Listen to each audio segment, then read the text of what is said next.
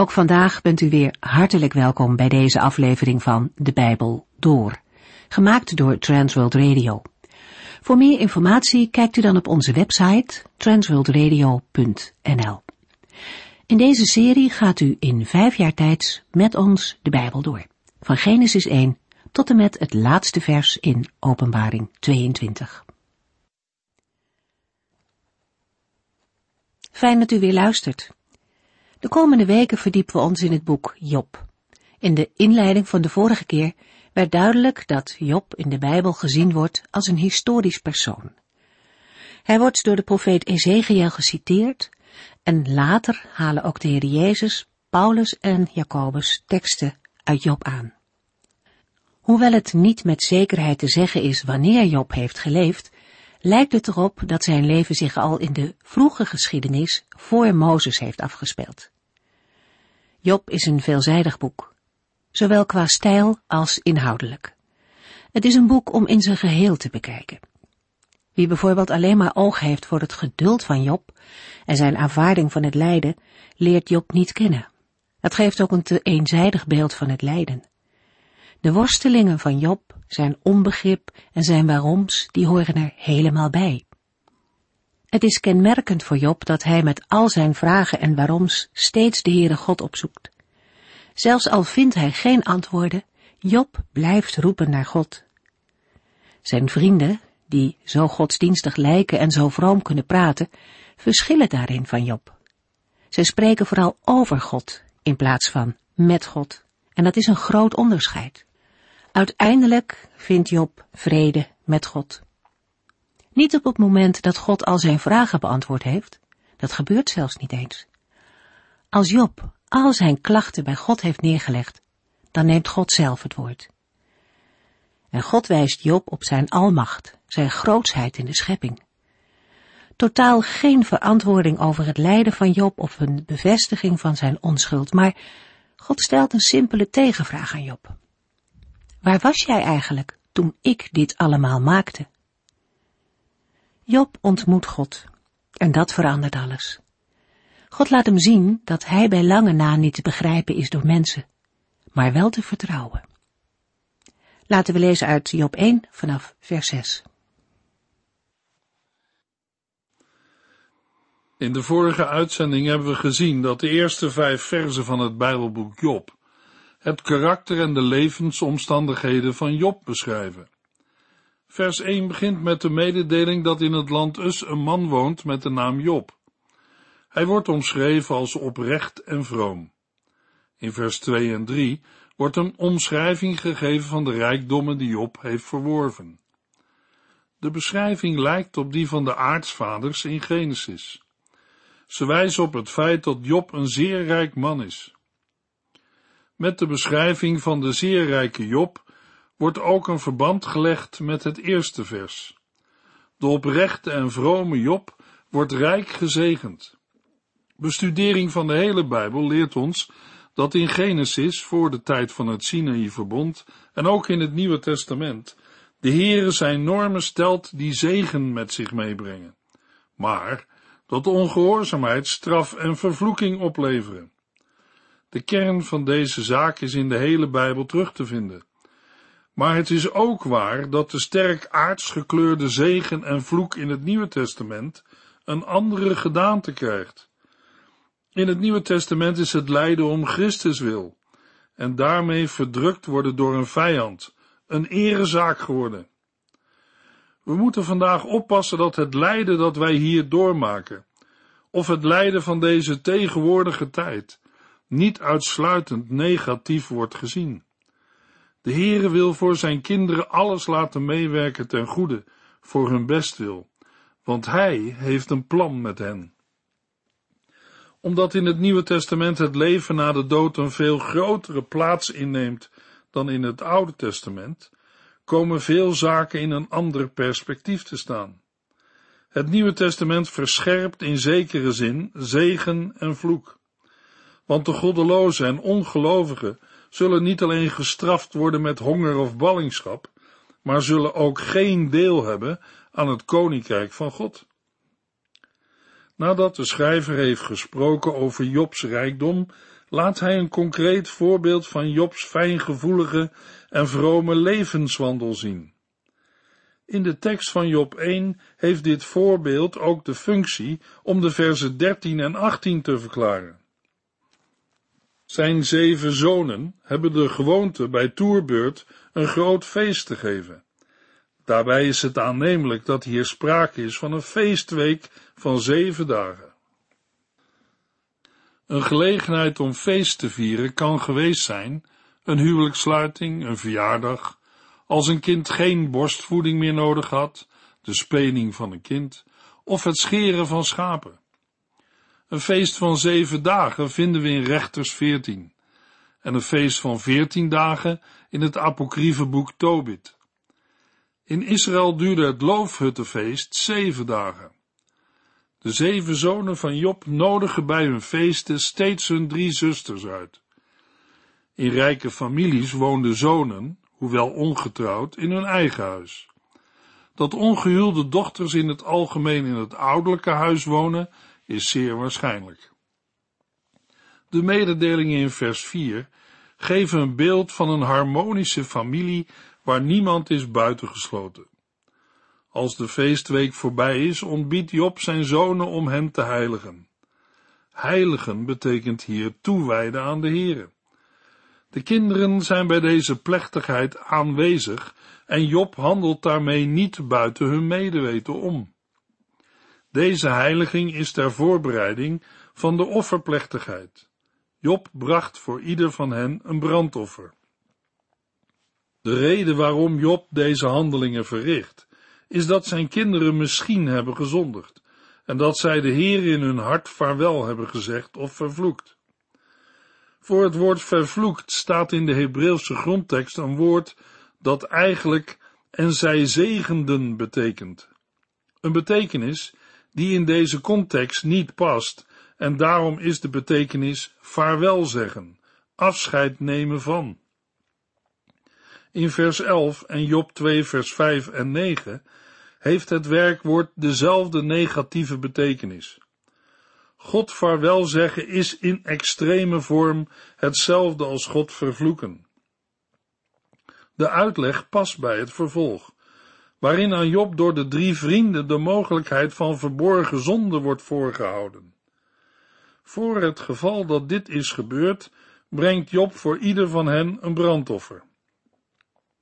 Brandoffers hebben in Israël primair tot doel om de Here te verheerlijken, maar kunnen ook een verzoenende functie hebben. Er worden geen priesters vermeld.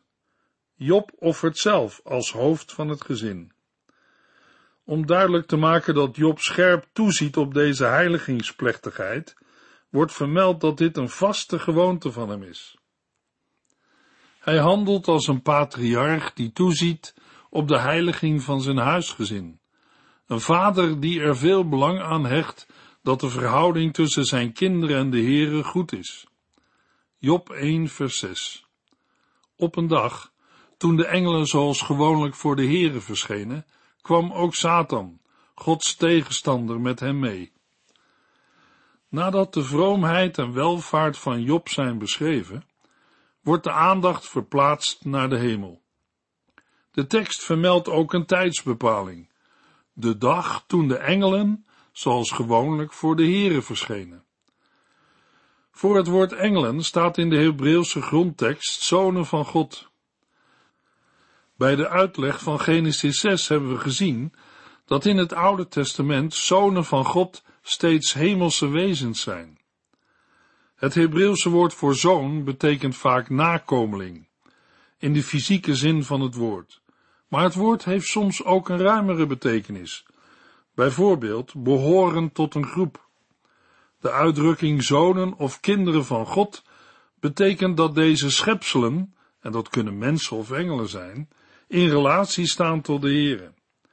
Bij de vermelding op de dag dat de engelen of zonen van God, dat wil zeggen de hemelse verantwoordelijken, voor de Here verschenen, zullen we moeten denken aan een vergadering in de hemel, zoals we die ook op andere plaatsen in de Bijbel aantreffen.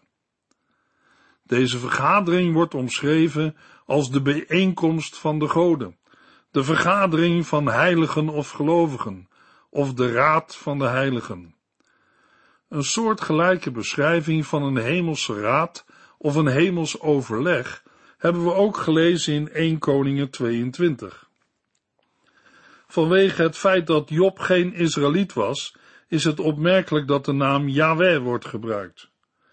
In het huidige Bijbelboek Job, zoals dat functioneert onder Israël, is duidelijk dat de God van Job dezelfde is als Yahweh, de Heere.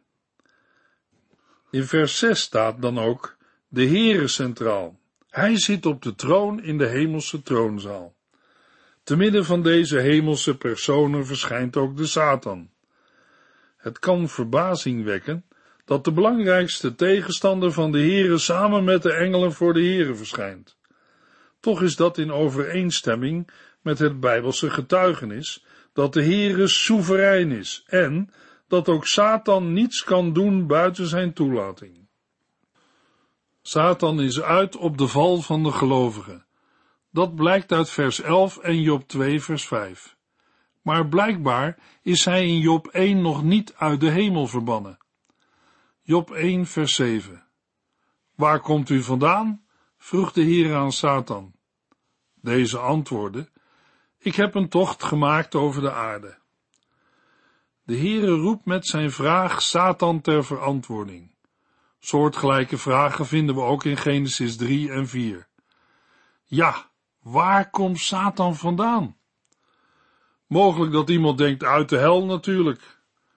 Maar dat moet ik bestrijden. De hel is nog niet geopend.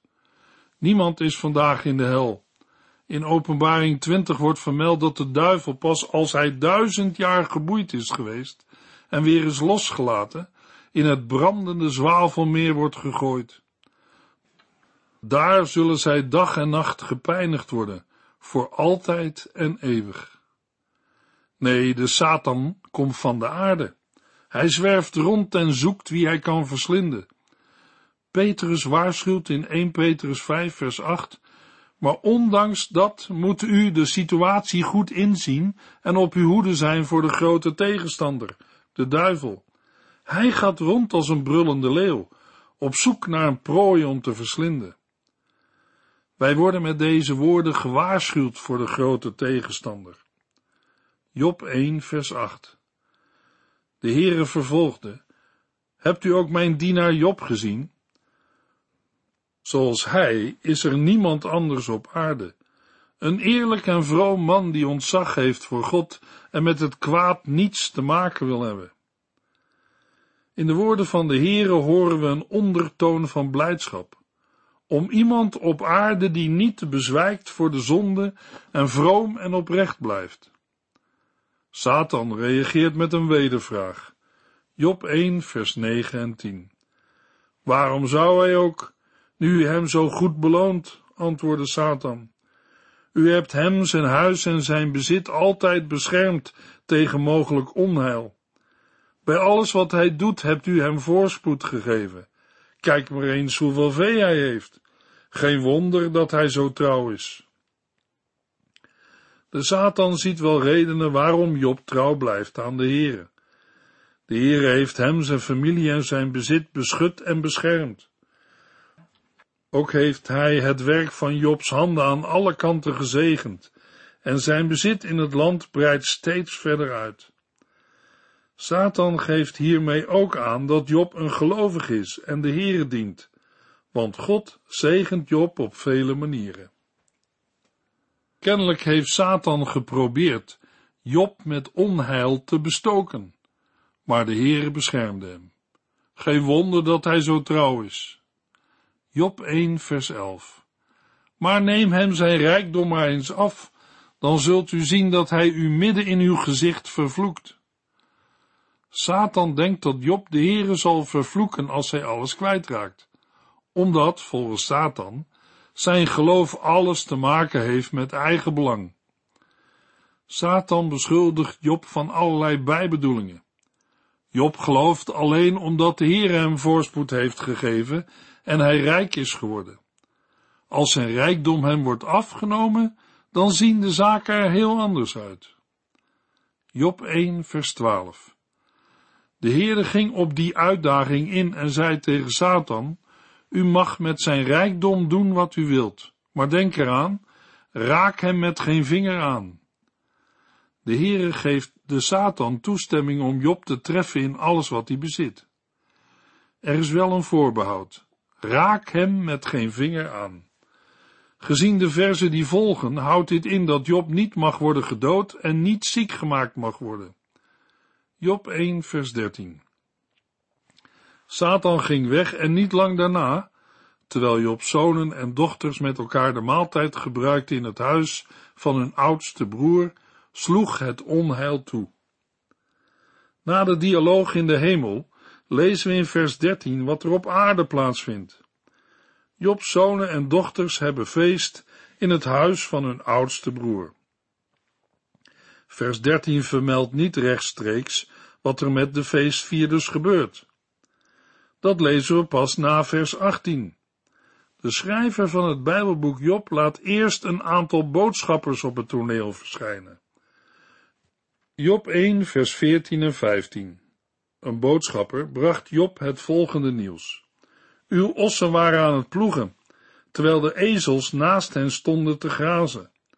Toen vielen de Sabeërs ons aan. Zij namen de dieren mee en doden alle knechten, behalve mij. Ik ben de enige die het heeft overleefd. De eerste boodschapper vertelt over wat er is gebeurd met de ossen en ezelinnen. De Sabeërs pleegden een overval en namen de dieren mee. Tevens werden de aanwezige knechten gedood met het zwaard. Ook deelt de boodschapper mee dat hij de enige overlevende is. De Sabeërs zijn waarschijnlijk een nomadisch volk dat eerst in Noord-Arabië leefde en later een koninkrijk stichtte in Zuid-Arabië. Sabeërs uit Zuid-Arabië, het huidige Jemen, zijn vanwege de afstand onwaarschijnlijk. Een andere mogelijkheid is dat mensen uit Seba bedoeld zijn. Volgens Job 6 vers 19 ligt die plaats dicht bij Thema in het noorden van Arabië. In Genesis 10 en 25 worden Seba en Dedan als broers genoemd en Dedan is ook een plaats in Noord-Arabië. In beide gevallen komen de benden uit Noord-Arabië. Vanwege de onzekere identiteit van de groep is het niet goed mogelijk om een conclusie te trekken. De Sabeërs nemen al zijn vee mee en doden al Jobs knechten. Job 1, vers 16. Hij was nog niet uitgesproken, of daar kwam nog een boodschapper. Die vertelde, de bliksem heeft al uw schapen en de herders getroffen en verbrand. Ik ben de enige die in leven is gebleven. De tweede boodschapper deelt mee dat een vuur van God de bliksem is ingeslagen. Het kleinvee en de aanwezige herders zijn verbrand. De boodschapper is de enige overlevende. Het vuur van God of de bliksem vertoont overeenkomst met het vuur van de Heer in 2 Koningen 1. Een aantal keren werd toen een legerofficier met vijftig manschappen getroffen toen zij Elia wilde arresteren. Het gaat daarbij niet om een natuurverschijnsel, maar om iets dat rechtstreeks van God afkomstig was. Omdat het in Job 1 om de dood van 7000 schapen en van veel herders gaat, moet waarschijnlijk aan iets anders dan aan de bliksem worden gedacht. In Genesis 19 vers 24 laat de Heere zwavel en vuur regenen. Ook is het mogelijk te denken aan een vulkanische activiteit, waarbij gloeiende gassen en asdeeltjes mens en dier doden. Dit gebeurde bijvoorbeeld in Pompeii door een uitbarsting van de Vesuvius. Ook meteorieten zijn mogelijk. Door hun verbranding in de dampkring kunnen ze als vuur op de aarde vallen. Job 1 vers 17 Ook hij werd onderbroken door een volgende onheilsbode. Drie groepen Galdeën hebben uw kamelen gestolen en uw dienaren gedood. Ik ben de enige die het kan navertellen. Terwijl de tweede boodschapper nog niet is uitgesproken, komt een volgende met het bericht dat de Galdeën hem van drie kanten overvielen en de kamelen roofden, terwijl ze de aanwezige dienaren afslachten. En ook de derde boodschapper heeft het gebeuren als enige overleefd. Job 1, vers 18 en 19. Weer kreeg de boodschapper geen tijd om uit te spreken, want de volgende kwam binnenrennen met de boodschap: Uw zonen en dochters zaten aan een feestmaaltijd in het huis van hun oudste broer. Toen stortte plotseling een zware storm vanuit de woestijn zich op het huis. Het dak van het huis stortte in en heeft hen allen gedood. Ik was de enige die kon ontsnappen, om het u te vertellen. De vierde en laatste boodschapper deelt mee dat Jobs zonen en dochters bij een feestmaaltijd in het huis van hun oudste broer zijn omgekomen. Een sterke wind trof het huis, waardoor het omviel. Het gebouw kwam terecht op de kinderen van Job en de boodschapper is de enige die de ramp heeft overleefd. De versen over de vier boodschappers bevatten een ongekende dramatiek. In zeer korte tijd komen ze bij Job om de rampen mee te delen. Plotseling raakt Job al zijn bezittingen en al zijn kinderen kwijt. Hoe zal hij reageren? Job 1, vers 20 tot en met 22. Job stond op, scheurde zijn kleren als teken van zijn verdriet, schoor zijn hoofd kaal en viel op de grond neer. Naakt werd ik geboren, zei hij, en ik zal naakt zijn wanneer ik sterf. De Heere gaf mij alles wat ik bezat. Hij heeft het mij nu weer afgenomen. Gezegend is de naam van de Heere. Het kwam niet bij Job op onder deze omstandigheden te zondigen en God de schuld te geven. Nadat Job het vreselijke nieuws heeft gehoord, staat hij op, scheurt zijn overkleed en scheert zijn hoofd als teken van verdriet en rouw. Als bewijs van ootmoed en toewijding valt Job op de grond en buigt zich neer. Hij verklaart dat hij naakt is geboren en dat hij naakt zal sterven. In andere vertalingen vinden we terugkeren naar de moederschoot, wat staat voor terugkeren naar de diepte van de aarde. Voorts beleidt hij dat de Heere heeft gegeven en dat hij heeft genomen, en dat de naam van de Heere geloofd zij.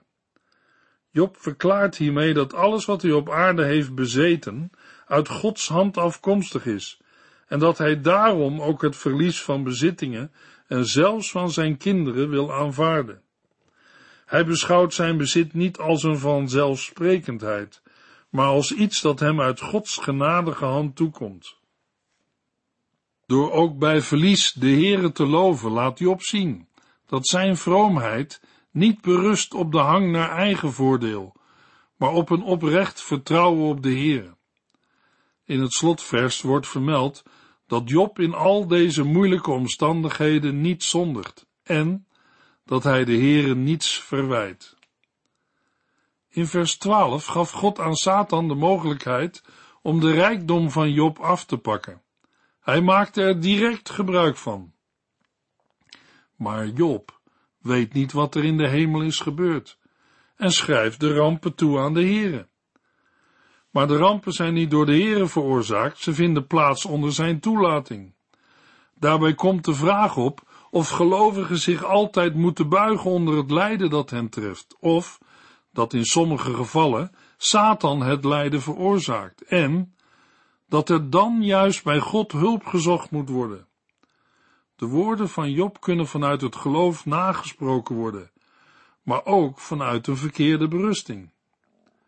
Job 1 gaat in op een probleem waarmee gelovigen van alle tijden en plaatsen te maken hebben. De vraag waarom God het kwade en het lijden toelaat, terwijl hij rechtvaardig en liefdevol is.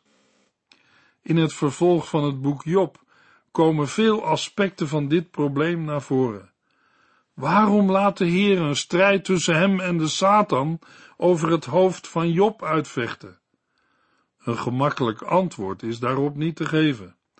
Blijkbaar wil de Heere de aantijging van Satan niet onweersproken laten. Verder is het voor de Heere van belang dat mensen hem vrijwillig liefhebben en dienen. Dat blijkt al in Genesis 2, waar Adam en Eva een keuzemogelijkheid krijgen.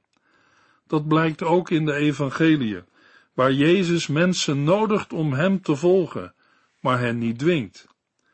In de laatste verse van Job 1 beleidt Job dat de Heere soeverein is.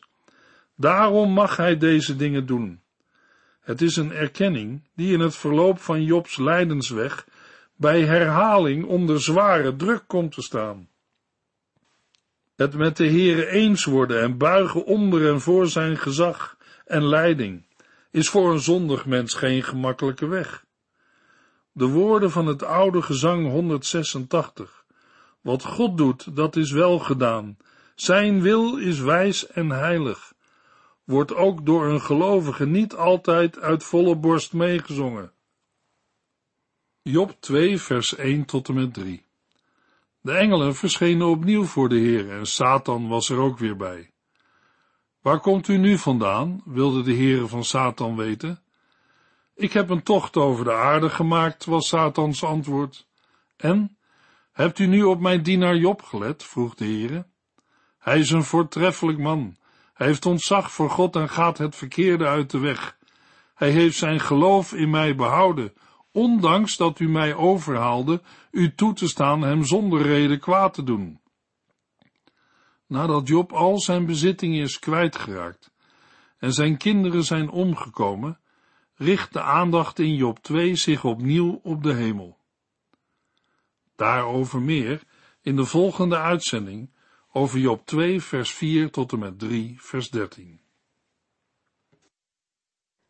U heeft geluisterd naar De Bijbel Door, in het Nederlands vertaald en bewerkt door Transworld Radio. Een programma waarin we in vijf jaar tijd de hele Bijbel doorgaan. Als u wilt reageren op deze uitzending of u heeft vragen, dan kunt u contact met ons opnemen. Tijdens kantooruren kunt u bellen op 0342 47 8432. 0342 47 8432. Ook kunt u een e-mail sturen naar de Bijbel door at transworldradio.nl en natuurlijk kunt u ook via de post ons bereiken. TWR, postbus 371, postcode 3770, AJ in Barneveld. Dit programma werd gepresenteerd door Cor Weda en Ike André. Techniek was in handen van Odin van Voerkom. En wij allemaal bedanken u voor het luisteren. Graag tot de volgende keer.